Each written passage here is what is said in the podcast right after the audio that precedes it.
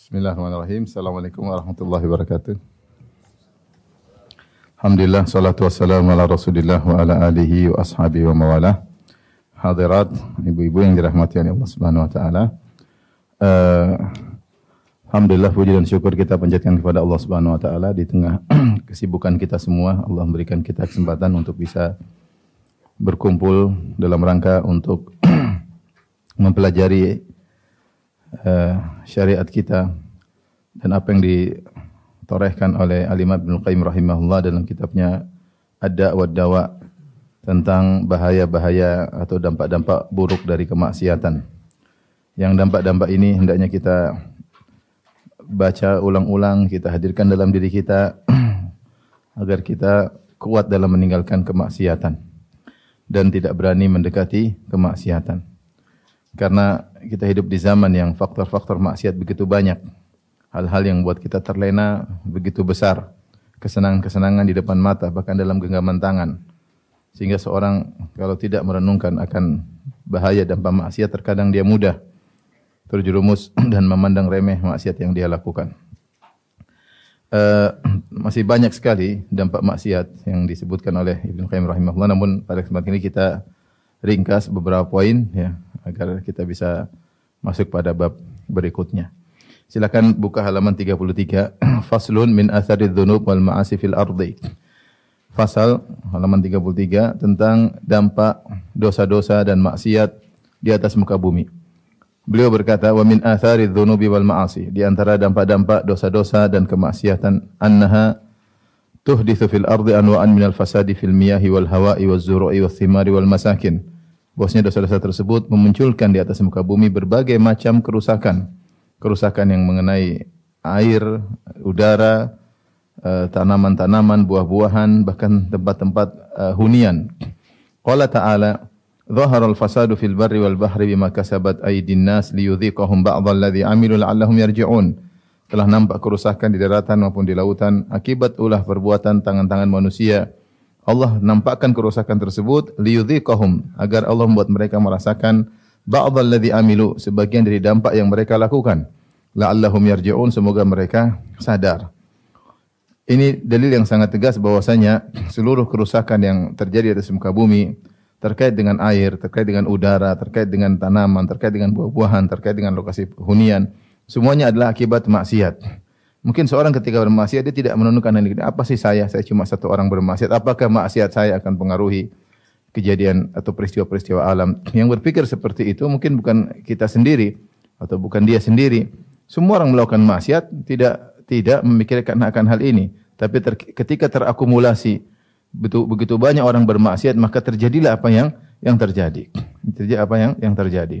Oleh karena ketika terjadi uh, malapetaka, bencana, nasihat yang paling terbaik adalah segera kembali kepada Allah Subhanahu wa taala. Namun eh, kita dapati hampir jarang ada dai-dai yang berani menyampaikan akan hal ini. Ketika terjadi kerusakan, bencana, malapetaka, wabah, mereka selalu kembalikan kepada sebab-sebab duniawi. Ini adalah perkara biasa, ini karena pergantian musim, ini karena ini, ini karena anu, ini karena pergerakan lempeng uh, kerak bumi, tabrakan dan macam-macam tabrakan lempeng kerak bumi, pergeseran sehingga tidak dikembalikan kepada akibat dosa-dosa yang yang dilakukan ya. Padahal sudah jelas Allah menyatakan tidaklah ada kerusakan di atas muka bumi di, dar, di daratan di lautan kecuali akibat perbuatan perbuatan manusia. Maka ini adalah menunjukkan dampak maksiat yang bukan hanya uh, mengenai diri kita sendiri bahkan bisa berdampak secara secara umum, berdampak secara umum. Maka uh, ketika timbul malapetaka atau bahaya, maka ini menandakan bahwasanya banyak orang yang sudah terjerumus dalam kemaksiatan sehingga Allah munculkan kerusakan-kerusakan tersebut. Kemudian juga Ibnu Qayyim berkata wa min ta'thiril ma'asi fil ardi dan di antara dampak maksiat di atas muka bumi ma yahillu biha minal khasfi waz zalazil wa yamhuku wa, wa yamhaqu barakataha. Apa yang uh, menimpa di atas muka bumi berupa al-khasf. Al-khasf itu lengser ya, begitu lengser orang tenggelam dalam bumi. Wazzalazil itu gempa. Wa yamhaqu barakataha dan Allah menghilangkan keberkahan bumi itu sendiri. Waqad marra Rasulullah sallallahu alaihi wasallam ala diyari Thamud. Dalam hadis yang sahih Rasulullah SAW pernah melewati lokasi hunian kaum Thamud yaitu kaumnya Nabi Saleh yang bermaksiat kepada Allah yang menyembelih ontanya Nabi Saleh. Famana'ahum min dukhuli diyarihim. Maka Rasulullah SAW melarang para sahabat untuk masuk ke dalam hunian mereka, lokasi hunian mereka illa wahum bakun kecuali masuk dalam kondisi menangis. Demikian juga min syurbi miyahim. Rasulullah juga melarang untuk minum dari air sumber air yang ada di lokasi hunian kaum Samud tersebut. Wa minal istisqa'i min abarihim. Demikian juga untuk mengambil air dari sumur-sumur yang masih tersisa di situ. Masih ada sumur-sumur, masih ada air. Rasulullah melarang untuk mengambil air dari sumur-sumur tersebut. Hatta amara an yu'lifa al-ajinu alladhi ujina an yu'laf al-ajinu alladhi ujina bimiyahihim lin nawadhih. Sampai Nabi SAW menyuruh adonan roti yang sudah dibuat dari tepung, dari gandum dicampur dengan air, maka jangan dimakan tapi diberikan kepada onta-onta, dijadikan makanan hewan. Litakthiri syu'mil ma'siyah fil ma' karena maksiat itu punya pengaruh dalam air. Wa kadzalika syu'mudz dzunub fi naqsis thimar, demikian juga buruknya dampak buruk maksiat yang menyebabkan kurangnya buah-buahan wa ma tara bihi minal afat dan juga apa yang kau lihat dari kerusakan-kerusakan yang ada.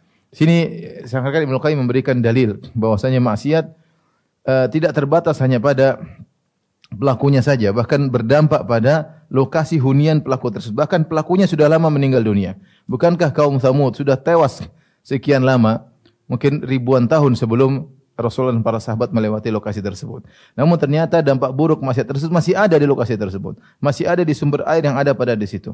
Sampai Nabi SAW melarang sahabat untuk masuk la tadkhulu masakinakum la tadkhulu masakina qauman uh, masakin alladziina dzalamu anfusahum ya janganlah kalian masuk ke dalam tempat tinggal mereka ya illa an illa an takunu bakin kecuali kalian dalam kondisi uh, menangis an tusibahum an, an yusibakum ma asabahum khawatir kata Nabi akan menimpa kalian apa yang telah menimpa mereka jadi sampai di sini disebutkan oleh para ulama, kalau seorang masuk di lokasi hunian yang pernah diadab oleh Allah Subhanahu dia hendaknya menangis. Kenapa? Kalau dia tidak menangis, dikhawatirkan apa yang menimpa kaum tersebut bisa menimpa orang yang masuk dalam lokasi tersebut. Bukan azab, tetapi bagaimana matinya hati, kerasnya hati. Yang kerasnya hati bisa menyebabkan uh, azab di neraka jahanam.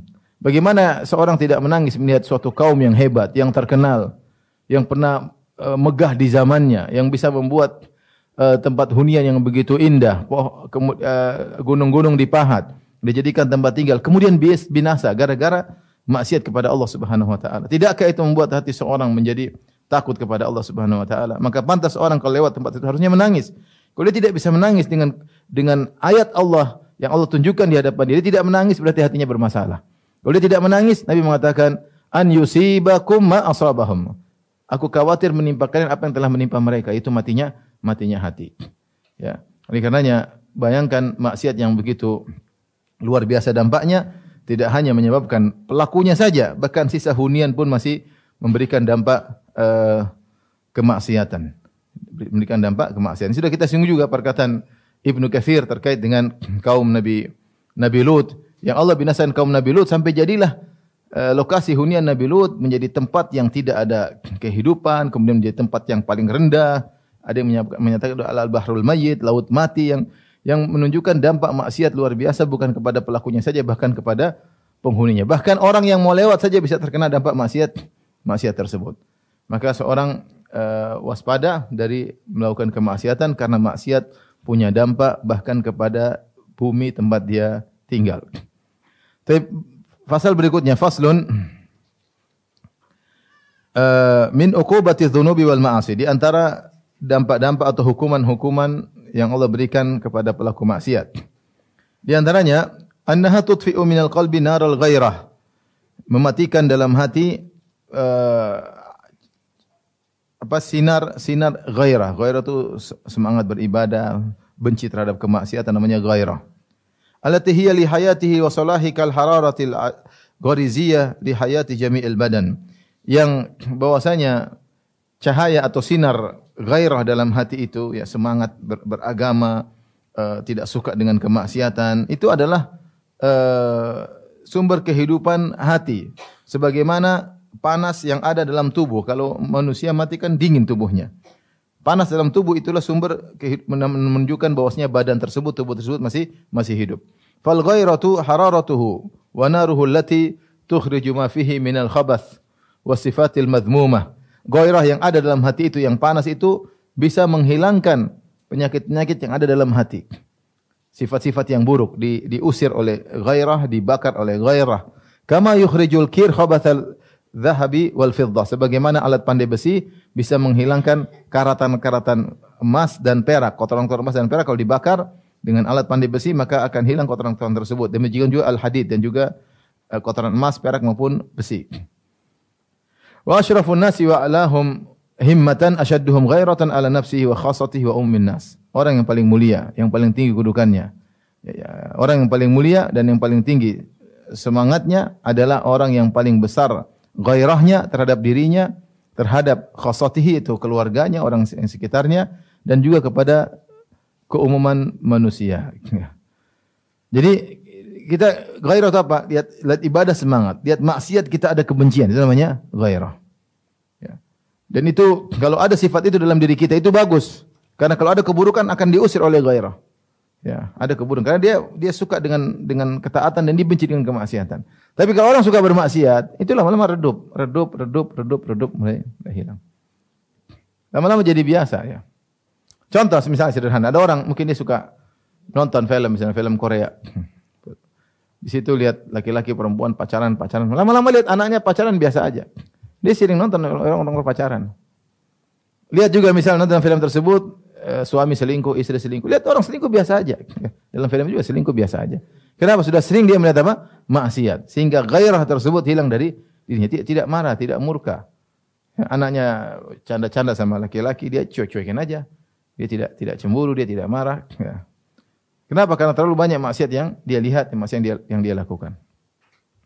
Padahal kalau gairah sudah hilang, maka hati itu menjadi lemah, lama-lama menjadi jadi mati dan racun-racun bisa masuk mudah dalam hati tersebut. Wa fi sahih dalam hadis yang sahih annahu qal Rasulullah SAW bersabda di dalam sahih Bukhari dan sahih Muslim, la ahadun aghyaru Allah, tidak ada yang lebih besar gairah daripada Allah Subhanahu wa taala, ya. Allah lebih tidak suka kalau ada orang bermaksiat. Min ajli dzalika harramal fawahish. Karena Allah memiliki sifat gairah, Allah mengharamkan perbuatan-perbuatan keji. Ma dhahara minhu batan, perbuatan-perbuatan keji yang nampak maupun yang tersembunyi. Wala ahadun ahabbu ilaihi al-udhru min Allah dan tidak ada seorang pun yang lebih mencintai uzur daripada Allah Subhanahu wa taala. Allah lebih suka memberi uzur. Min ajli dzalika arsala rusula mubasysyirin mundzirin. Karenanya Allah mengutus para rasul untuk beri kabar gembira dan memberi peringatan supaya uzur supaya uzur hilang, supaya hujjah ditegakkan. Wala ahadun ahabbu ilail madhu min, Allah wa min ajli dzalika athna ala nafsihi. Dan tidak ada yang lebih suka untuk dipuji seperti Allah. Oleh karenanya Allah memuji dirinya sendiri. Allah suka hamba-hambanya memuji Allah Subhanahu wa taala. Tapi di antara yang jadi perhatikan dalam hadis ini adalah la ahadun aghyaru min Allah. Tidak ada yang lebih gairah daripada Allah, makanya Allah mengharamkan perbuatan-perbuatan keji. Jika dalam diri kita masih ada kebencian terhadap maksiat, enggak suka lihat kemaksiatan, itu masih hati kita masih hidup. Panas hati kita masih ada. Tapi kalau sudah hati kita mati, lihat orang maksiat biasa saja, dingin saja, ya, hambar saja, ini masalah. Berarti kita terlalu banyak maksiat. Wa min uqubatiha di antara hukuman terhadap akibat maksiat dhahabul haya alladhi huwa maddatu hayatil qalb. Hilangnya rasa malu yang dia merupakan sumber kehidupan hati. Wa huwa aslu kulli khairin dan rasa malu adalah asal dari segala kebaikan. Wa dhahabuhu dhahabul khairu ajma'ihi dan hilangnya rasa malu maka hilanglah seluruh kebaikan, totalitas hilang semuanya. Wa fi sahih jadi dalam sahih dari Nabi SAW beliau bersabda, Al-haya'u khairun kulluhu. Kebaik, rasa malu adalah kebaikan seluruhnya. Kata Ibn Qayyim, kalau seorang sering maksiat, maka rasa malunya semakin berkurang, semakin berkurang, semakin tidak punya malu. Kalau semakin terus bermaksiat, malunya hilang. Kalau malunya sudah hilang, maka kebaikan seluruhnya hilang dari dirinya. Wa qala sallallahu alaihi wasallam Rasulullah SAW juga bersabda, "Inna mimma adrakan nasu min kalabin nubuwatil ula" di antara nasihat-nasihat yang didapati oleh masyarakat dari nasihat para perkataan para nabi sebelumnya artinya nasihat ini bukan dari nabi saja bahkan sudah ada sejak nabi-nabi sebelumnya idza lam tastahi fasna ma syi'ta. Kalau kau tidak malu lakukan yang kau kehendaki. Kalau tidak punya malu silakan lakukan apa yang kau kehendaki. Wal maksud maksudnya anna dzunuba tudhaiful haya'a minal abdi sungguhnya dosa-dosa yang dilakukan akan meredupkan rasa malu dari hati seseorang dari hamba Hatta rubbaman salakha minhu bil kulliyah dan bisa jadi rasa malu tersebut keluar darinya secara totalitas.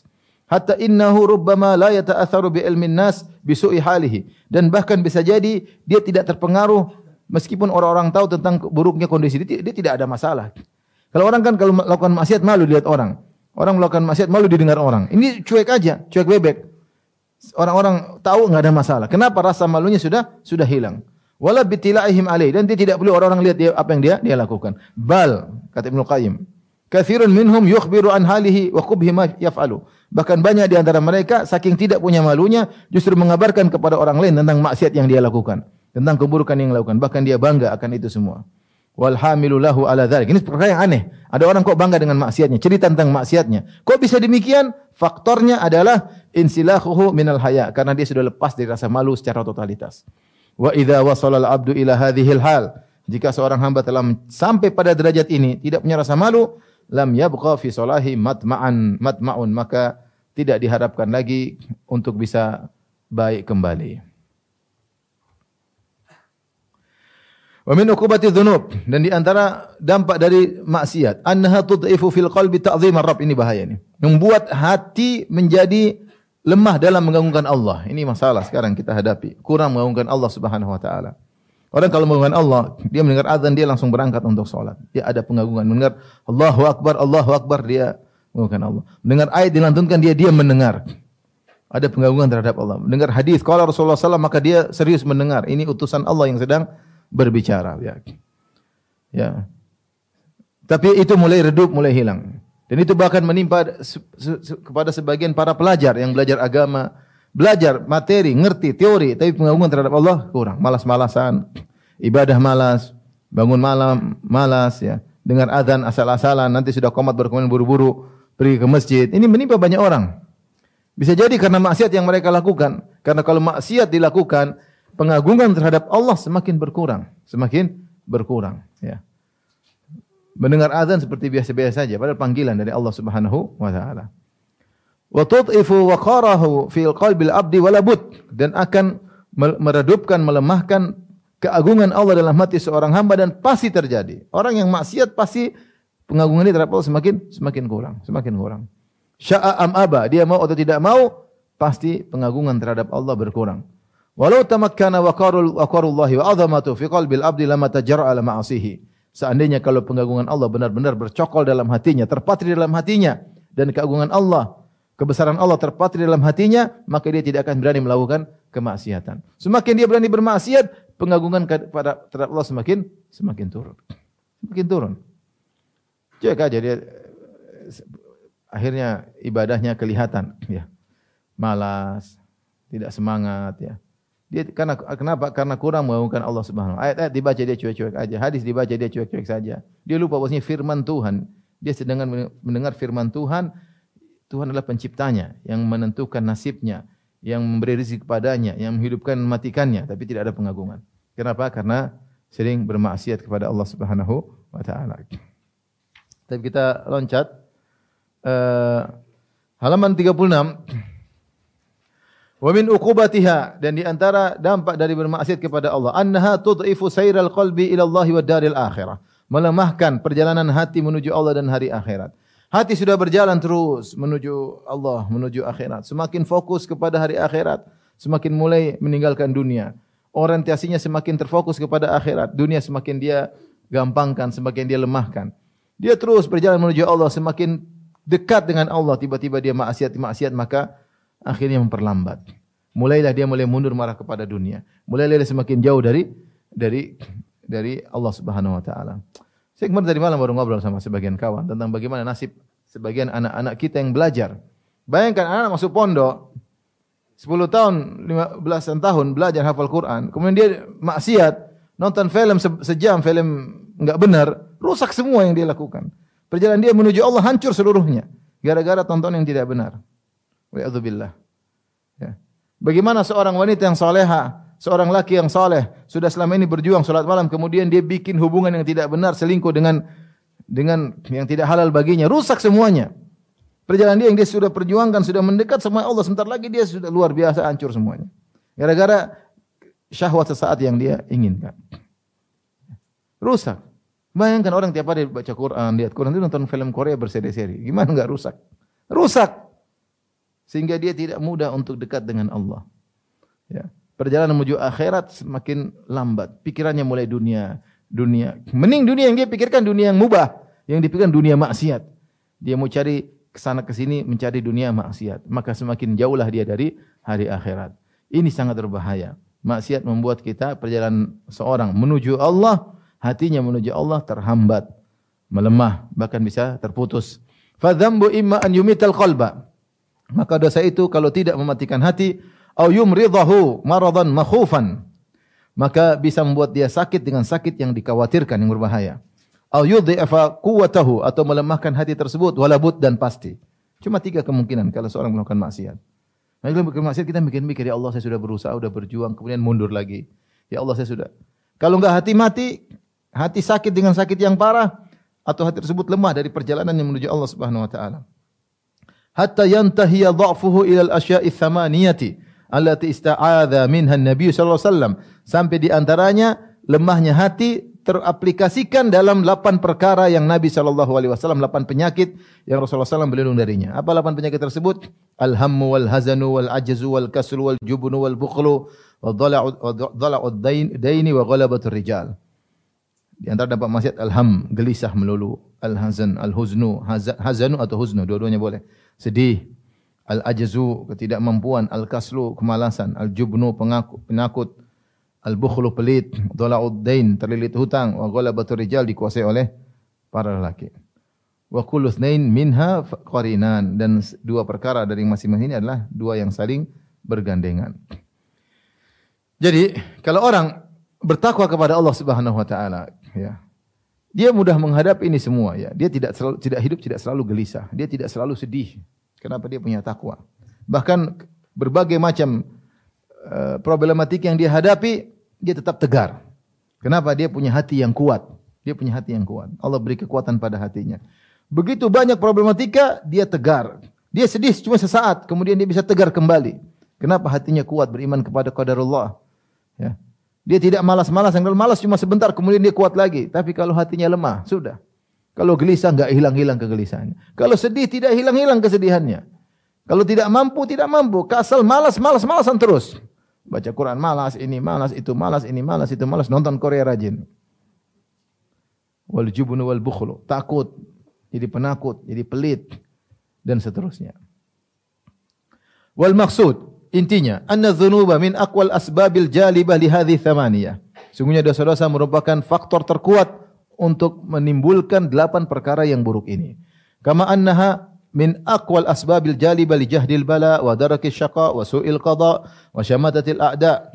Sebagaimana ya bahwasanya dosa-dosa merupakan sebab terkuat untuk mendatangkan jahdil bala yaitu bencana atau musibah yang berat yang sulit dihadapi kesudahan yang buruk ya. Kemudian uh, darakis syaqa yaitu kesengsaraan yang rendah suil qada kesudahan yang buruk dan tertawanya musuh. Wa min wa man aq wa min aqwal asbabil jaliba li zawali ni'amillah. Demikian juga dosa-dosa termasuk sebab terkuat faktor terkuat yang bisa mendatangkan hilangnya nikmat Allah. Wa tahawuli afiyatihi keselamatan berubah menjadi tidak selamat. Wa faj'ati nikmatihi mendatangkan tiba-tiba hukuman Allah yang datang dengan tiba-tiba wa jami'i sakhatih dan juga menyebabkan seluruh kemurkaan Allah Subhanahu wa taala. Jadi ibu-ibu yang dirahmati Allah Subhanahu wa ibu-ibu kalau gelisah melulu, ini berarti suka maksiat. Sedih melulu, itu juga Pak, berarti suka maksiat. Malas melulu, juga suka apa? Maksiat. Periksalah diri masing-masing. Kalau lihat Sopi semangat, Kalau suruh baca Quran enggak semangat-semangat. Buka tutup lagi, buka tutup lagi. Lihat WhatsApp semangat ya. Nah, ini kita cek diri kita masing-masing. Karena itu dampak-dampak maksiat. Segera perbaiki diri sebelum hati semakin rusak, semakin lemah, semakin enggak kuat. Dan benar-benar juga bukan kita aja kita perhatikan anak kita juga, anak-anak kita. Ini zaman sekarang berat ya dengan adanya berbagai macam medsos, TikTok. Subhanallah berat. Musim musim musim kemarin musim pandemi. Anak-anak mulai belajar dengan belajar jarak jauh. Dikasih HP. Bikinlah grup, grup untuk belajar. Grup wali murid. Anak-anak juga bikin grup. Di situ disebarin film Korea. Nonton di antara mereka. Mengerikan ya. Apa yang sudah diperjuangkan selama ini bisa hancur dalam waktu sekejap. Ya, maka waspada waspada diri kita dan juga waspada anak-anak kita.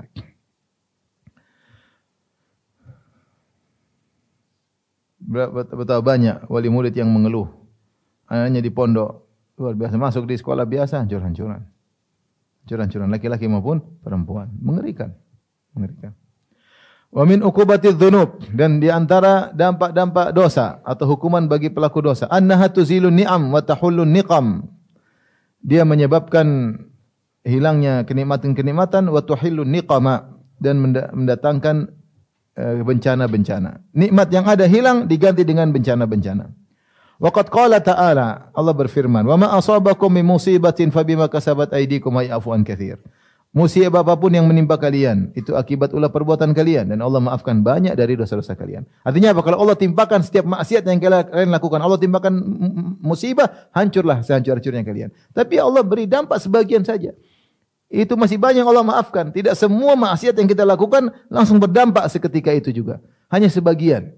Banyak yang Allah wa ya'fu an dan banyak Allah maafkan. Itu pun sedikit yang kita lakukan. Artinya banyak yang Allah maafkan, sedikit yang Allah timpakan itu sudah mengerikan. Wa qala ta'ala, "Dzalika bi anna Allah lam yakum mughayyiran ni'matan an'amaha 'ala qaumin hatta yughayyiru ma bi anfusihim." Yang demikian itu karena Allah tidak akan merubah nikmat yang telah Allah berikan kepada suatu kaum. Artinya apa? Hukum asal kalau Allah sudah kasih kenikmatan, kenikmatan tersebut tadum, langgeng. Hukum asalnya demikian. Allah sekali nikmat, nikmat tersebut langgeng harusnya. Kenapa Allah rubah? Allah mengatakan Allah tidak akan merubah nikmat yang sudah Allah berikan kepada suatu kaum hatta yughayyiru ma bi anfusim sampai mereka merubah kondisi mereka. Mereka maksiat-maksiat baru nikmat tersebut lengser sedikit demi sedikit. Sampai akhirnya dicabut diganti dengan kesengsaraan. Wa qala ta'ala, "Inna Allah la yughayyiru ma biqaumin hatta yughayyiru ma bi anfusihim." Sungguhnya Allah tidak merubah kondisi suatu kaum yang tadinya di atas kenikmatan Allah tidak rubah menjadi kesengsaraan sampai mereka merubah diri mereka sendiri. Wa idza aradallahu biqaumin su'an fala maraddalah. Kalau Allah sudah berkehendak keburukan pada suatu kaum maka tidak ada jalan keluar. Tidak ada yang bisa menyelamatkan mereka. Walaqad ahsanal qail. Sungguh indah perkataan seorang penyair. Dengarkan ibu-ibu. Idza kunta fi ni'matin far'aha. Jika engkau dalam suatu kenikmatan maka jagalah. Fa innal ni'am. Sungguhnya maksiat-maksiat itu menghilangkan kenikmatan-kenikmatan. Wa hutha bi ta'ati rabbil ibadi. Jagalah, ikatlah, jagalah ketaatan, jagalah kenikmatan-kenikmatan yang kau rasakan dengan ketaatan kepada Rabbil ibad. Fa Rabbul ibadi sari'un niqam. Ingatlah bahwasanya Rabbul ibad yaitu Allah Subhanahu wa taala, sang pencipta seluruh makhluk, sangat cepat siksaannya. Wa iyyaka wadzulma mahma stata'ta. Waspadalah engkau. Jauhilah kezaliman semampumu, semaksimal mungkin. Jangan menzalimi siapa pun. Fadzulmul ibadi syadidul wakham.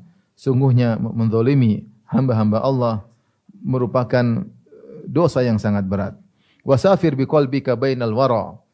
Berjalanlah dengan bersafarlah dengan hatimu, itu lihatlah sekelilingmu di antara manusia-manusia yang ada. Litubsira athara man qad zalam agar kau melihat bagaimana akibat dari orang-orang yang berbuat kezaliman. Fatilka masakinuhum ba'dahum. Lihatlah tempat-tempat sisa-sisa tempat hunian mereka setelah mereka tiada. Syuhudun alaihim wala tattahim. Bahwasanya itu menjadi saksi atas perbuatan uh, mereka akibatnya mereka binasa dan masih ada sisa tempat yang mereka huni tersebut.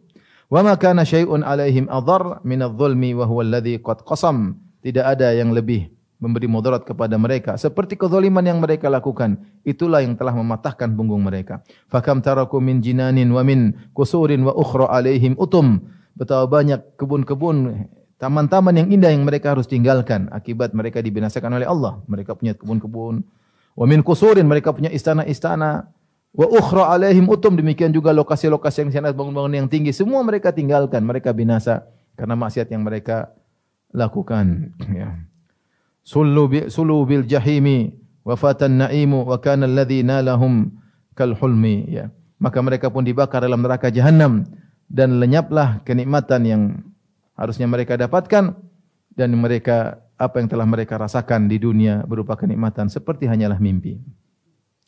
Oleh karenanya kalau kita dapat nikmat dari Allah, ada kebahagiaan, alhamdulillah anak-anak anak-anak soleh dan soleha, istri penyayang, suami taat kepada Allah Subhanahu wa taala, itu nikmat hukum asalnya dia langgeng. Selama kita tidak merubah kondisi kita. Kapan kita rubah kondisi kita? Mulai hobi ini, hobi maksiat, maka akan berubah. Dan itu sangat cepat. Kata penyair tadi, wa rabbul ibadi sari'un niqam. Sungguhnya Rabbul ibad, Allah Subhanahu wa taala sangat mudah untuk menggantikan kenikmatan dengan kesengsaraan. Maka jangan sampai keluarga kita menjadi rusak gara-gara kita. Kita egois ingin senang-senang, nonton yang tidak-tidak, bikin relasi dengan orang-orang yang tidak pantas untuk kita sambung relasi, kita selingkuh ya. Kita nonton yang tidak-tidak, kita zalimi orang lain, akibatnya berdampak pada diri kita dan keluarga keluarga kita. Karena hukum asal nikmat yang Allah berikan kepada kita kalau kita takwa kepada Allah maka dia akan langgeng. Kapan berubah berarti kita yang bermasalah. Wa min uqubatiha dan di antara dampak atau hukuman kepada orang yang bermaksiat, ma yulqihillahu subhanahu minar ru'bi wal khaufi fi qalbil 'asi, yaitu rasa takut, rasa ketakutan yang Allah lemparkan dalam hati orang bermaksiat. Fala tarahu ila khaifan mar'uban. Tidak kau melihat dia kecuali dalam kondisi takut, khawatir melulu. Fa inna ta'ata hisnullahi al-a'zamu alladhi man dakhalahu kana minal aminin min uqubati dunya wal akhirah. Karena ketaatan kepada Allah adalah benteng pertahanan Allah yang paling agung. Siapa yang masuk dalam benteng tersebut, maka dia termasuk orang-orang yang merasa aman dari hukuman dunia maupun akhirat. Ini subhanallah sebagaimana orang yang bertakwa kepada Allah diberikan ketenangan, Sebaliknya orang bermaksiat kepada Allah diberikan rasa ketakutan. Itu dirasakan oleh orang pelaku maksiat. Ya. Alladzina amanu wa tatma'innu qulubuhum bi dzikrillah. Ala bi dzikrillah tatma'innul qulub. Orang-orang yang tenang ya, beriman dan hati mereka menjadi tentram dengan mengingat Allah Subhanahu wa taala. Ketahuilah dengan mengingat Allah, dengan berzikir kepada Allah, dengan baca Al-Qur'an, dengan ikut pengajian, ya, mengingat hukum-hukum Allah, mengingat syariat-syariat Allah, maka hatinya akan menjadi tentram. Sebaliknya orang yang bermaksiat ada rasa takut. Meskipun dia di puncak kemewahan, meskipun dia di puncak ketenaran, ada rasa takut dalam dirinya, takut. Takut sewaktu-waktu Allah akan menyiksanya. Takut ada khawatir ada yang menyakitinya. Kenapa? Gampangan kita kalau kita dunia, kalau ada orang punya bekengan di belakang, dia punya jenderal bintang tujuh di belakang, dia tidak pernah takut. Ada benteng jenderal bintang tujuh di belakang. Ya. Tapi kalau nggak ada jenderal bintang tujuh, ya, dia takut. Jangan-jangan ini ada musuh ada ini. Nah kalau ada orang bertakwa kepada Allah, Allah sudah jamin kau masuk dalam bentengku yang terkuat. Tidak usah takut. Apa yang menimpa, apa yang pun yang menimpamu tegar dan sabar. Ya, dia tidak meskipun problematika begitu banyak, dia dia percaya diri karena dia tahu ada Allah yang melindunginya. Karena selama ini dia taat kepada Allah Subhanahu wa taala. Bayangkan seorang di pagi hari dia bangun misalnya, misalnya di Jogja. Jam 4 dia bangun setengah 4 atau bangun jam 3. Kemudian dia salat malam. Dia berdoa kepada Allah. Kemudian dia berzikir istighfar. Azan berkumandang, kemudian pergi ke masjid. Kemudian nunggu komat dia baca Quran. Kemudian dia salat. Kemudian dia salat subuh. Kemudian habis itu salat subuh, kemudian dia uh, zikir pagi petang. Kira-kira dia merasa nyaman enggak? Nyaman. Tidak ada rasa ketakutan, enggak ada. Enggak ada rasa ketakutan. Tapi bagaimana orang yang sebelum tidur nonton Korea terus tidur. Bangun sudah komat. Setelah cepat-cepat terus tidur lagi. Nonton macam-macam. Gimana hati tidak hati tidak gelisah? Di antara sebab kemaksiatan kegelisahan, tidak mungkin dihindari, pasti gelisah. Kita pernah dulu mungkin terjerumus dalam hal yang buruk, kita merasakan hal tersebut. Bosnya kemaksiatan mendatangkan kegelisahan. Hilang rasa aman dan tentram, rasa ketakutan. Allah yang kasih rasa ketakutan tersebut. Kenapa? Karena kita melanggar perintah-perintah Allah. Tapi kalau seorang bertakwa kepada Allah, saya sudah bertakwa sama Allah. Alhamdulillah Allah berikan taufik untuk bisa salat subuh berjamaah. Ya, kata Nabi SAW, Man salal fajar, fahuwa fi dhimmatillah. Siapa yang salat subuh, dia dalam tanggungan Allah Subhanahu Wa Taala. Rasa tentram aman. Hati menjadi tentram. Tidak rasa ketakutan. Ada pun orang pelaku maksiat. Meskipun dia di puncak ketenaran, meskipun dia di puncak jabatan, meskipun dilindungi oleh bodyguard yang begitu banyak, hatinya pasti tidak tenang gelisah selalu. Takut inilah, takut anulah, takut inilah. Takut kenapa? maksiat yang dia lakukan.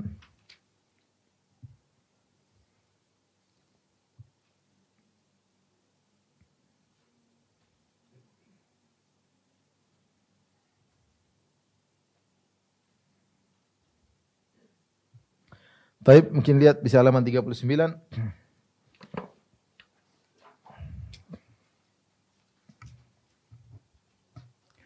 Wa min uqubatiha dan di antara dampak melakukan kemaksiatan annaha tusaghirun nafsa wa tuk, tukmi'uha ya atau tuqmi'aha ya.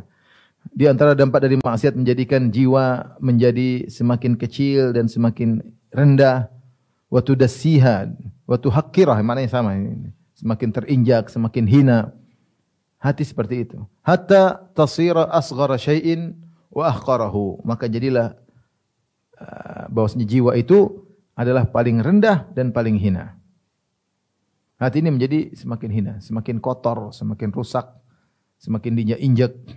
Kama anna ta'ata tunammiha, sebagaimana ketaatan menjadikan jiwa semakin besar, wa tuzakiha, semakin mensucikannya, wa tukabbiruha menjadikan dia semakin uh, besar. Qala Allah Taala Allah berfirman qad aflaha man zakkaha.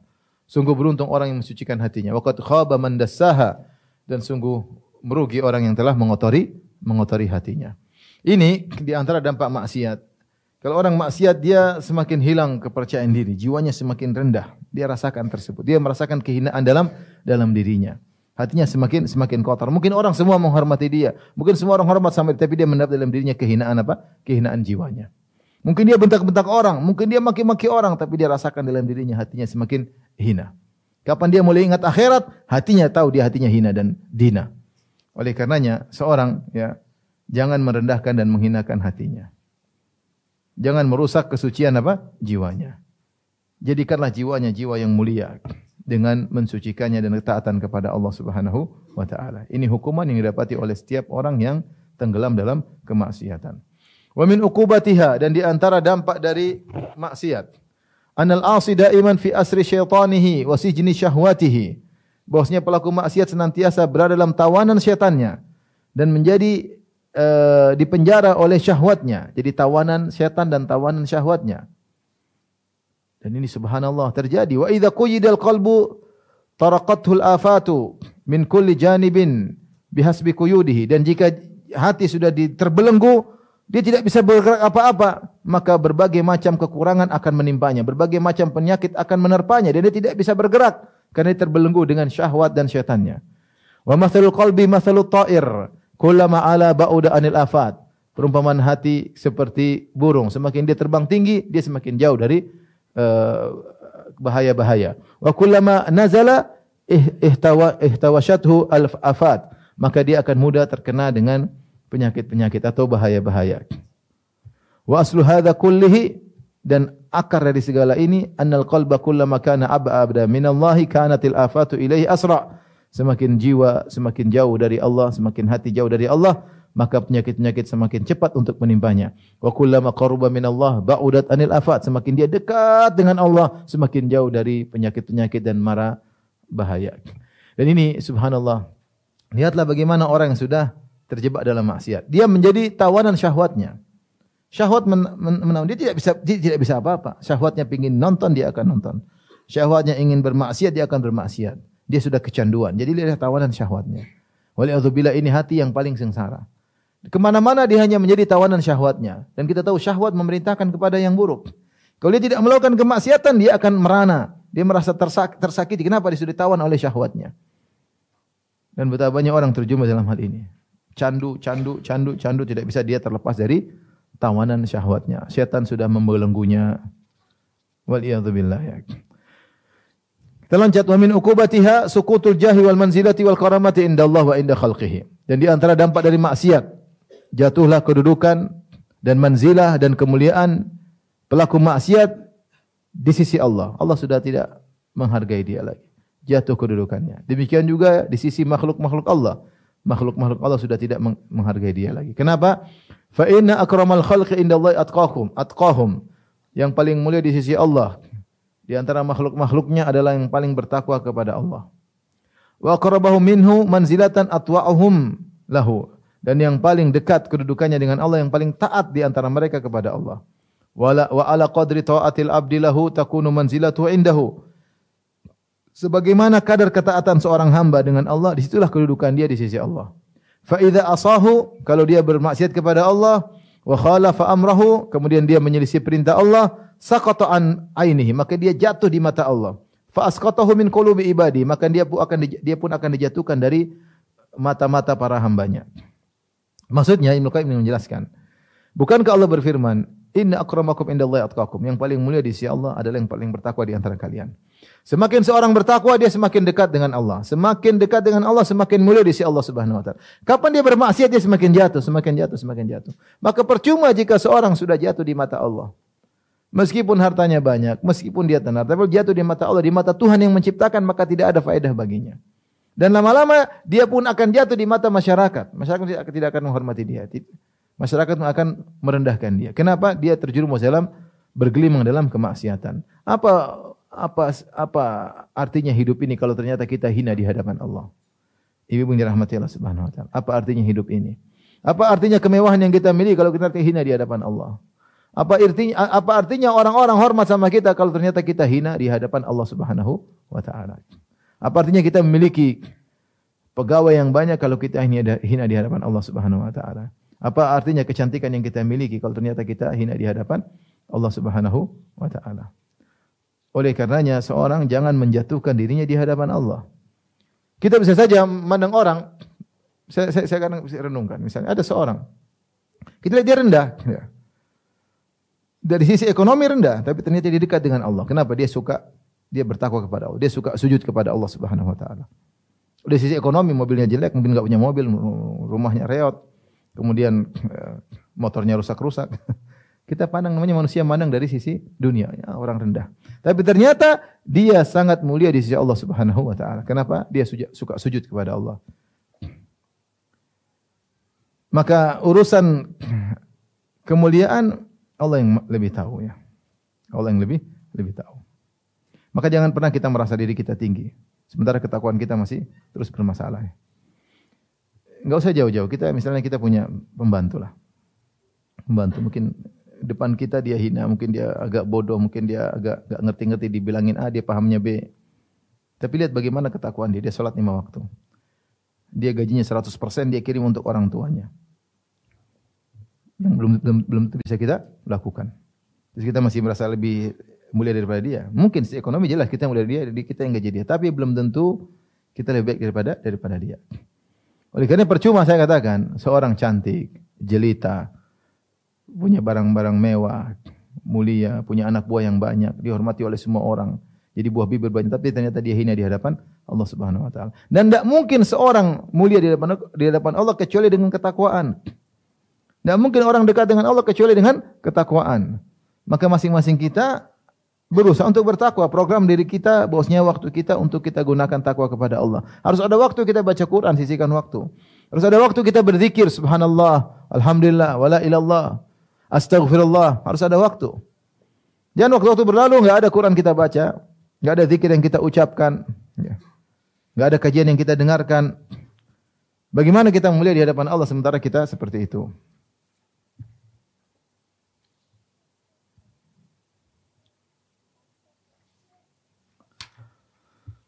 Baik, eh, kita lanjut lagi halaman 41. Di bagian terakhir. Wa min uqubatiha dan di antara dampak dari maksiat, annaha tamhaqu barakatal umur. Bahwasanya maksiat itu menghilangkan keberkahan umur. Wa barakatal rizq dan menghilangkan keberkahan rizki. Wa barakatal ilm dan menghilangkan keberkahan ilmi. Wa barakatal amal dan menghilangkan keberkahan amal. Wa barakat ta'ah dan menghilangkan keberkahan ketaatan. Subhanallah. Mengerikan keberkahan. Dia punya umur tidak ada berkahnya. Dia punya rezeki enggak ada berkahnya. Dia berilmu tidak ada berkahnya. Dia beramal tidak ada berkahnya. Dia taat ketaatan tersebut nihil sirna. Wabil jumlah tamhaqu barakatad din wa dunya. Secara umum maksiat itu menghilangkan keberkahan agama dan keberkahan dunia.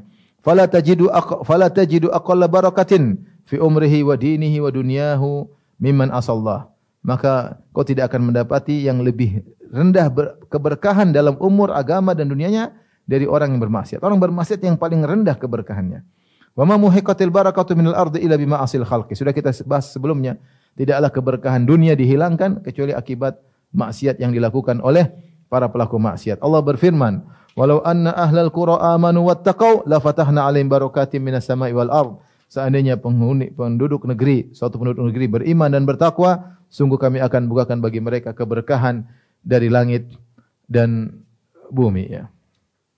Kemudian beliau berkata di setelah menyebutkan hadis, "Walaisat sa'atu rizqi wal amali bi kasratihi." Bukanlah lapangnya uh, bagusnya rizki dan amal dengan banyaknya rizki dan amal tersebut. Wala tulul umri bi syuhuri. Bukanlah panjangnya umur dengan banyaknya bulan-bulan yang dilewati, wal awam dan tahun-tahun dilewati. Walakin sa'atu rizki wal umri bil barakati fihi. Tetapi kelapangan rizki dan umur adalah jika diberkahi oleh Allah Subhanahu wa taala. Ini poin yang penting yang perlu kita renungkan terutama dalam poin barakatil ilmi, keberkahan ilmu. Ibu-ibu yang dirahmati Allah Subhanahu wa taala, di antara ibu mungkin ada para talibatul ilmu, para penuntut ilmu. Kita lihat kenyataan yang ada. Ada sebagian orang yang mungkin punya ilmu, mungkin luas, mungkin nahunya bagus, sorofnya bagus, hafalannya banyak. Tapi tidak ada keberkahan dalam ilmunya. Kenapa? Dia pasti melakukan kemaksiatan. Sehingga ilmu yang dia miliki hanya untuk menampilkan kesombongan yang dia tersimpan dalam hatinya. Hanya bikin keributan di antara kaum muslimin. Hanya digunakan ilmunya untuk merendahkan orang lain. Ya. Ilmunya menjadikan dia ujub dan gurur, dia terpedaya. Ya. Ini contoh keberkahan dicabut dari ilmu yang dimiliki. Dia punya ilmu tapi tidak berkah. Adakah orang seperti itu? Banyak. Apalagi di dunia maya kita lihat kasihan orang ini ilmu banyak tapi seperti ini. Kasihan. Ilmu yang dia miliki tidak membuat dia beramal soleh. Hanya sekedar teori yang akan menjadi beban bagi dia hari kiamat kelak. Karena dia akan ditanya oleh Allah Subhanahu wa taala tentang ilmunya. Apa yang dia amalkan dari ilmu tersebut. Dia tidak beramal. Kenapa? Ilmunya tidak berkah. Kenapa tidak berkah ilmunya? Karena dia tukang maksiat. Maka ini jadi renungan bagi kita semua. Kita semua belajar. Yang tinggal di kompleks. Masya Allah kompleks ilmu. Tapi apakah ilmu yang kita pelajari berkah? Itu jadi pertanyaan kita. Kalau kita isi dengan maksiat pasti tidak berkah. Dan sudah banyak contoh. Ilmu yang dimiliki seorang hanya membuat dia semakin semakin binasa, semakin dia dimurkai oleh Allah Subhanahu wa taala. Bikin keributan sana sini, bikin masalah sana sini, kesombongan yang memecah belah umat. Waliyadzubillah. Egoisnya menjadikan ribut di sana sini ilmunya tidak berkah. Kalau ditanya hafal, hafal ini, hafal ini, hafal anu, hafal ini, hafal anu. Enggak ada faedah ilmunya. Kenapa? Di balik itu pasti dia melakukan maksiat yang mungkin tidak kelihatan oleh banyak orang. Berkahnya hilang. Ya. Demikian juga rizki. Rizki. Seorang rizki kalau berkahnya hilang percuma. Ini banyak, itu banyak. Tapi enggak ada. Enggak ada berkahnya. Umur panjang juga. Tapi kalau enggak ada berkahnya percuma. Bangga umur sampai 80 tahun. Bangga umur sampai sekian puluh tahun. Percuma. Yang jadi patokan bukan masalah panjang umurmu, tapi bagaimana kualitas umur yang kau miliki.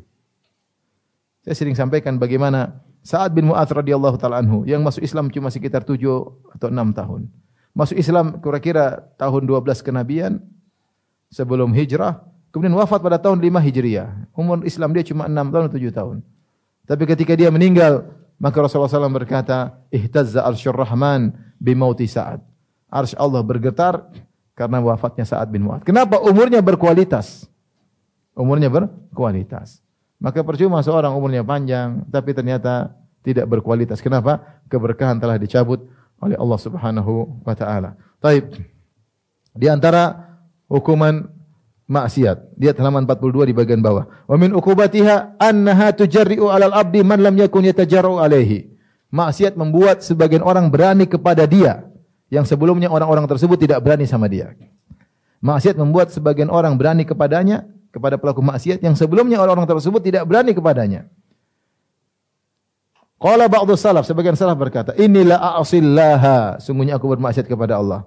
Fa'arifu dzalika fi khuluqi imraati wa dabbati, maka aku lihat dampaknya pada akhlak istriku dan akhlak tungganganku. Artinya apa istrinya tadinya taat, kemudian menjadi tidak taat. Tunggangan yang tadinya patuh kalau diarahkan ternyata tunggangannya tidak tidak patuh. Dia rasa ini maksiat yang dia lakukan. Ini istrinya dan tunggangan yang tadinya taat kepada dia tidak taat lagi, mulai berani sama sama dia. Wa kadzalika yajtari alaihi awliyaul amr bil uqubah.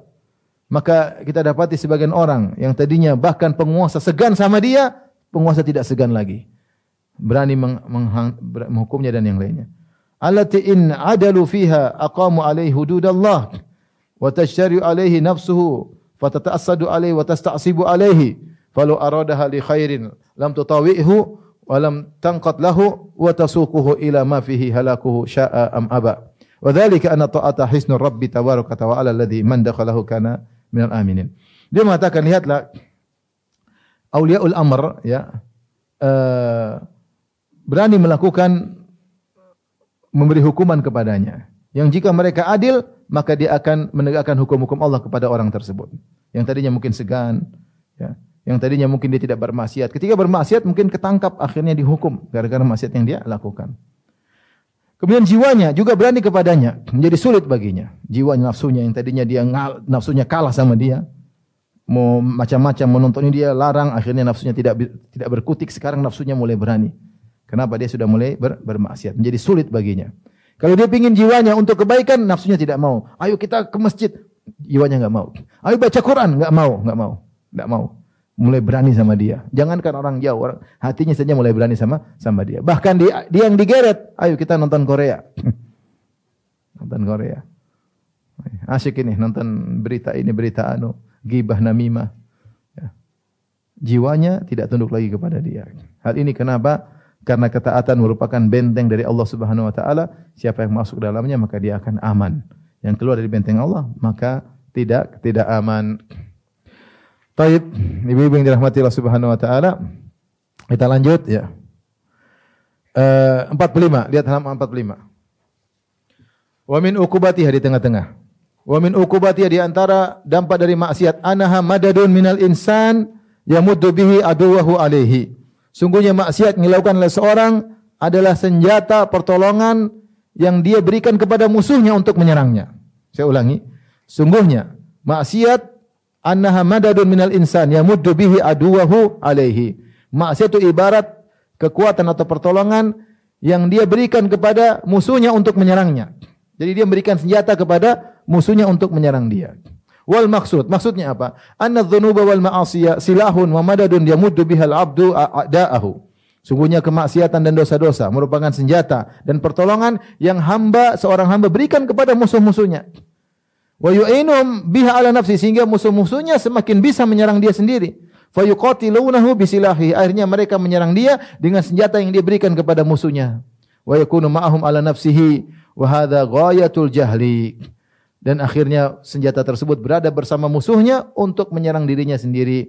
Dan ini merupakan puncak kebodohan. Seorang penyair berkata, "Ma yablugul a'da'u min jahilin, ma yablugul jahilu min nafsihi." Musuh tidak akan bisa sampai ya uh, kepada seorang jahil seperti keburukan yang menimpa jahil dari dirinya sendiri. Artinya musuh bisa menimbulkan kemudaratan kepada seorang jahil, tapi masih kalah dengan kemudaratan yang ditimbulkan oleh si jahil itu sendiri. Maksudnya apa? Hidup ini terkadang kita tidak tidak selalu nyaman. Terkadang ada musuh-musuh yang tidak suka dengan kita, yang tidak suka dengan agama kita, yang tidak suka dengan harta kita. Kalau kita bermaksiat, maka seakan-akan kita memberikan kekuatan kepada dia untuk menjatuhkan kita. Untuk merendahkan kita. Semakin kita bermaksiat, kita semakin keluar dari lindungan Allah. Dan kita semakin memberikan pertolongan kepada mereka untuk menyerang kita. Dan itu benar. Semakin seorang jauh dari ketaatan kepada Allah, dia semakin semakin merasa diserang, semakin jauh dari pertolongan Allah. Dan musuhnya semakin mudah untuk menyerangnya. Makanya ketika Umar bin Khattab radhiyallahu anhu mengirim pasukannya, maka Umar memberi nasihat. Jangan kalian bilang, kita muslimun, mereka kafir, kita pasti menang. Oh, mereka kafir, kita muslim pasti menang.